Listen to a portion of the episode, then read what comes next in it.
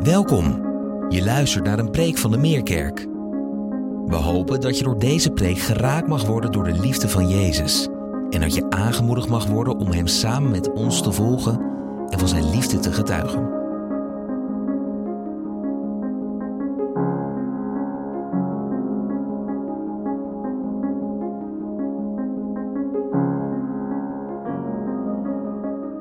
Goedenavond allemaal. Geweldig dat jullie allemaal gekomen zijn. En wat een ingrijpend verhaal. Het verhaal van Chris en Greden Haan, die nog een aantal maanden geleden bij het graf stonden van hun zoon Richard. En van alle verhalen die we mochten horen tijdens de kerstnachtdienst, trof mij dit verhaal toch wel erg. Juist omdat het nog zo kort geleden is. En dat ze bereid was om voor de camera haar verhaal te doen. En wat voor verhaal? Een verhaal van dankbaarheid. Dankbaarheid staat nu bovenaan. En dit is gewoon het verhaal van meerkerkers. 2022 was voor hun dit. Stond in teken van de ziekte en het overlijden van hun zoon. En zo hebben we allemaal ons levensverhaal. Ups en downs. En kunnen we terugkijken op een jaar. En dan hoop ik dat je zo'n vertrouwen mag hebben. Net zoals Gree. Dat dankbaarheid bovenaan mag staan. Of met de woorden te spreken van de psalmist, van Mozes, de psalm van Mozes, psalm 90 dat de Heer voor jou een toevlucht is geweest afgelopen jaar. Ik vind het een prachtige traditie. En toen uh, ik oh, sprak met mensen over deze dienst, de oudejaarsdienst, dan een aantal mensen die zeiden: Je gaat toch wel Psalm 90 lezen? Want dat deden wij vroeger altijd. Dan wel een kwartier voordat het 12 uur was. En dan hoopte je dat vader snel door las en bad en dat je niet het vuurwerk miste. Maar wat een prachtige psalm om bij stil te staan. En misschien niet de mooiste psalm. Het spreekt over het leed en de moeites van het leven. Maar het doet wel recht aan het leven. En zo'n verhaal van Gree laat dat alleen nog maar zien. Dit is wat onderdeel uitmaakt van ons leven. De moeites en het leed. En daar willen we liever niet over spreken. We willen de mooie psalm, psalm 23, lees iets waar ik blij van word. En toch zijn dit de eerlijke verhalen die, die ook genoemd moeten en mogen worden.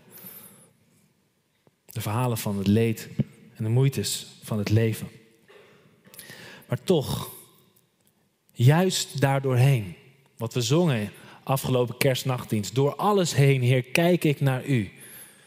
Want Hij geeft rust te midden van de storm. Hij is een toevlucht waar je naartoe mag rennen. Een plek dat als je het allemaal niet meer weet, dat dat is het, je thuisbasis, je veilige haven waar je naartoe gaat om rust te vinden. En is God dat voor jou? Vind je rust bij Hem? En in deze psalm gaat het heel erg over tijd. Een oudjaarsavond is ook een moment dat je even stilstaat. Wat Tree ook al noemde, dat je even terugkijkt naar afgelopen jaar. En even beseft dat gevoel van, van tijd. En het beeld van een dag wordt gebruikt. Aan de ene kant om te laten zien wat de tijd voor God is. Duizend jaar is als een dag voor God. Hij staat zo ver boven de tijd. Van eeuwigheid tot eeuwigheid. Dat is God. Duizend jaar, zo voorbij. Zo groot is God. En dan, aan de andere kant, wij mensen. Ons leven is ook als een dag. Maar niet omdat wij boven de tijd staan. Nee, omdat we juist heel erg aan de tijd gebonden zijn. 70 jaar, 80 jaar als we sterk zijn. 90 jaar misschien nu, met de medische kennis die we hebben. Maar het is als gras wat ochtends opgroeit aan het eind van de dag alweer verschroeid is. Het is zo voorbij. Het leven gaat zo ontzettend snel. En voor je het weet, is het voorbij. En die verhalen van de mensen die overleden zijn het afgelopen jaar, die zetten ons daarbij stil.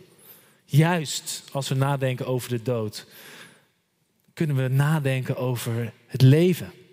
Hoe snel het leven gaat. En ik vind het mooi om niet alleen Richard te noemen, maar ook de andere mensen, andere meerkerkers die afgelopen jaar ons ontvallen zijn. Ik wil hun naam even noemen. Pita Ophof. Jelmer van Putten, februari. Beb van Tol, Richard dan Haan, Babs van Luiken, Martin Horsman en een aantal weken geleden Marijke Kroon. En sommige van hen hebben een mooie leeftijd bereikt. En andere van hen zijn veel te vroeg naar de mens gezien gestorven. Denk alleen al aan Jelmer, die heeft de 40 niet eens gehaald. Vorig jaar stonden nog stil bij zijn geloofsverhaal met de kerstdiensten. En deze februari is hij overleden. Nou, dan ga je toch wel, ik weet niet hoe het voor jou is, maar ik ga dan toch wel even stilstaan bij mijn eigen leven. En daarom ook Psalm 90, wat ik denk een van de sleutelversen is van heel de psalm, is vers 12. Leer ons zo onze dagen te tellen, dat wijsheid ons hart vervult. Leer ons onze dagen te tellen. Het gaat zo snel. Voor je het weet is het voorbij. Sta eens stil bij de dagen. Als jij terugkijkt naar afgelopen jaar, kan je dan de dagen herinneren? Kun je dan momenten herinneren? Of is het één grote waas afgelopen jaar wat er allemaal gebeurd is? Ik heb dat gevoel bijvoorbeeld heel erg gehad bij de coronatijd. Alsof die twee jaar niet gebeurd is. Dat ik denk van, ah, dat is vorig jaar. Nee, dat is al drie jaar geleden of dat is al vier jaar geleden. Leer de dagen te tellen. Laat het niet aan je voorbij gaan. Want voor je het weet, ben je al bij je einde. Leer je dagen te tellen. En om het nog wat somberder te maken, vers 12. Voordat hij bij die boodschap komt, spreekt Mozes veel over de toorn van God. De woede van God. Waarom doet hij dat? Is dat nou de boodschap waar we nou dit jaar mee willen eindigen met de toorn van God? Echt? Is dat nou Psalm 90, die traditie, oudjaarsavond? voordat het vuurwerk begint, nog even nadenken over de toorn van God. Maar ik denk dat de toorn van God en de woede van God niet altijd goed begrepen wordt. Het is een beetje het beeld van dat God daar in de hemel zit en alleen maar boos is op zijn schepping. Onze hemelse vader die ja, onverwachte drift bij je heeft. Maar dat is niet wat Gods toorn is. Het is niet boosheid, het is liefde. Het is ontferming voor zijn schepping. Voor de mensen die hij gemaakt heeft. Het is liefde. Hij wordt boos op het moment dat hij ziet dat zijn schepping naar de knoppen gaat. Dat wij, zijn kinderen, keuzes maken die niet goed zijn voor ons. Net zoals een ouder die naar zijn eigen kind kijkt en ziet, ach, doe dat nou niet.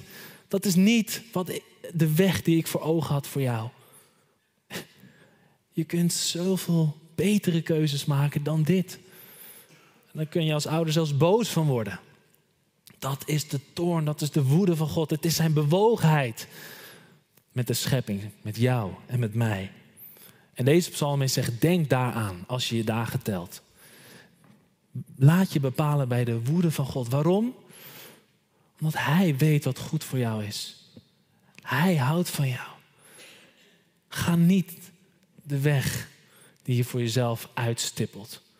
Ga zijn weg. Hij weet het beter dan jij. Probeer daaraan te denken als je van dag tot dag leeft. Denk aan zijn toorn en daarmee dus aan zijn rechtvaardigheid. Zijn liefde voor wat goed is. Zijn liefde voor wat recht is. En dat je zegt, ja, daar wil ik mijn leven op afstemmen. En dit is het moment, hè? Oudjaarsdag. Dan ga je nadenken. Volgend jaar, wat zou ik beter kunnen doen? Wat zijn mijn goede voornemens?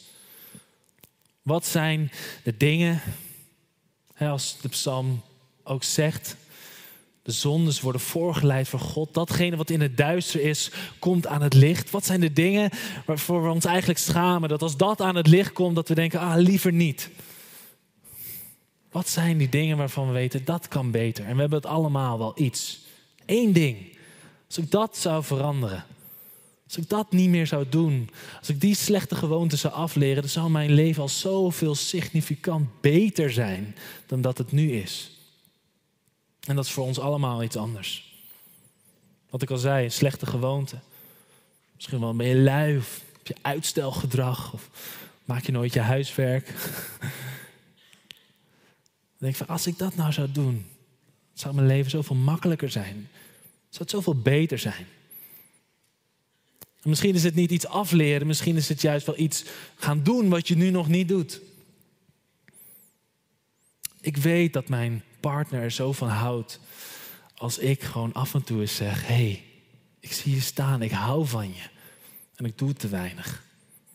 Ik weet dat mijn vrouw het zo leuk vindt als ik thuis kom met een bosje bloemen.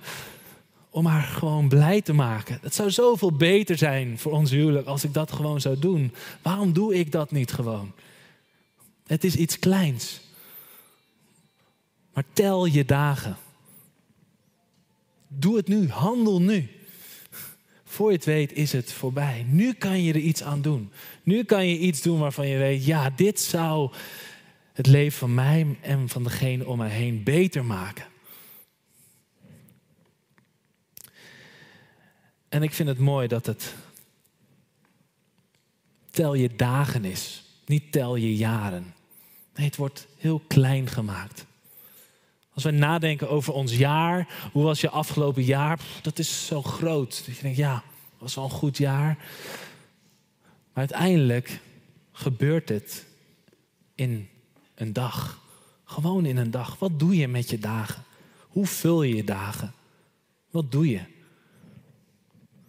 Dietrich Bunhover, die verwoordt het heel mooi toen hij sprak over dit idee van je dagen tellen. Hij zegt, de dag is de grens van ons zorgen en van ons bezig zijn. De dag is een soort grens. Het heeft een begin en het heeft een eind. En hij zegt, de dag is lang genoeg om God te vinden of te verliezen. Het is lang genoeg om het geloof te behouden of om in zonde te vallen. Al die dingen die ertoe doen, gebeuren niet in jaren, ze gebeuren in dagen. De dag is de grens. Het is heel behapbaar, het is heel klein. Een dag is lang genoeg om God te vinden of om God juist uit het oog te verliezen. We willen graag macro denken. In jaren, het grote verhaal. Wat doe ik met mijn leven? Maar de psalmist, zegt, wat doe je met jouw dagen? Het is aan God om macro te denken.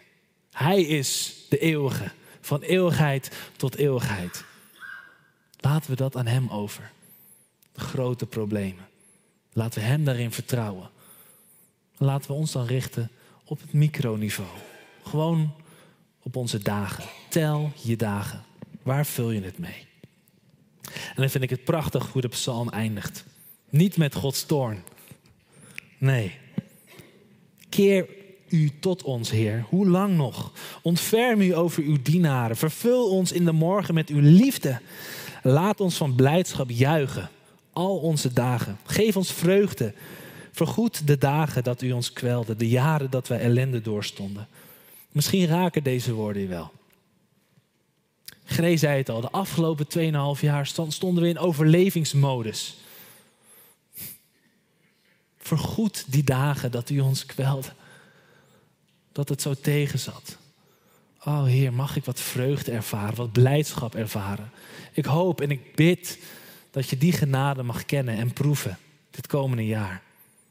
En daar sluit de psalm ook mee af. Laat ons uw genade zien, Heer onze God. Laat ons uw genade zien.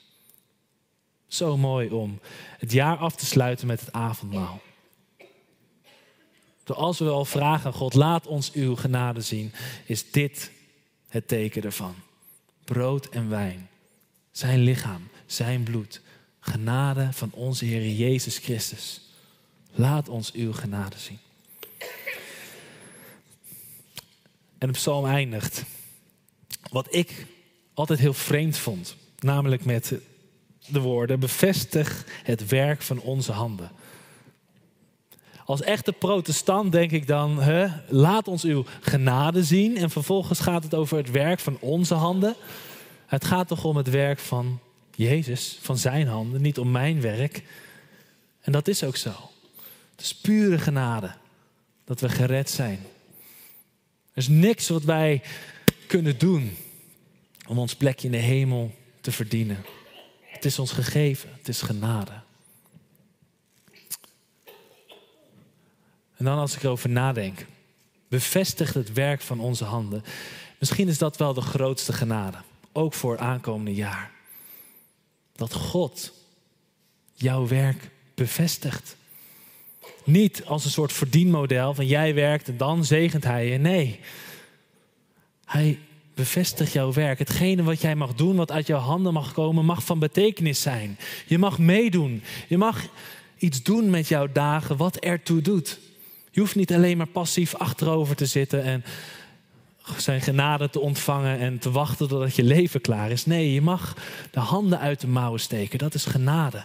Je mag iets doen wat van betekenis is. Net als een ouder die zijn kind mee laat werken in de tuin of in de garage. Niet omdat het nodig is dat dat kleine kind meehelpt, maar dat is genade. Je mag meedoen, je mag meehelpen, je mag meebouwen in Gods koninkrijk. Daarin laat Hij ook zijn genade zien. Ik wil het hierbij laten, bij deze prachtige psalm.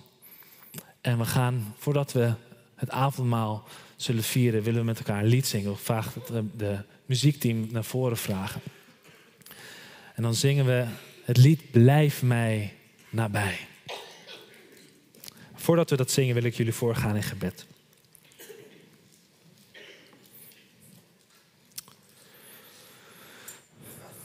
O Heer, leer ons zo onze dagen te tellen.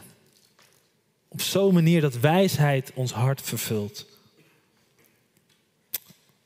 O Heer, doe dat. Heer, dank voor de dagen die u ons gegeven heeft in het afgelopen jaar. Gevuld met mooie momenten, mooie dagen, mooie ontmoetingen.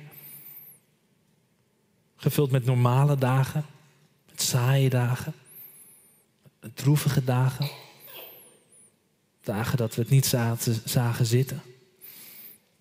Dagen dat we aan het graf stonden van familieleden of vrienden. Heer, keer u tot ons. Hoe lang nog, Heer? Ontferm u over uw dienaren. Ontferm u over ons. Als we leven in een wereld gevuld met oorlog en onrust, dan bidden we voor een wereld in nood. Dan bidden we voor uw ontferming. Maar u heeft de wereld in uw hand, van eeuwigheid tot eeuwigheid, inclusief ons leven. Hou ons vast, Heer. Blijf ons nabij. Vervul ons in de morgen met uw liefde. Laat ons van blijdschap juichen, al onze dagen. Geef ons vreugde. Vergoed de dagen dat u ons kwelde, de jaren dat wij ellende doorstonden. Laat ons uw genade zien, o Heer. Laat ons uw genade zien. Dat is ons gebed. Dat bidden we. In de machtige naam van Jezus Christus. Amen.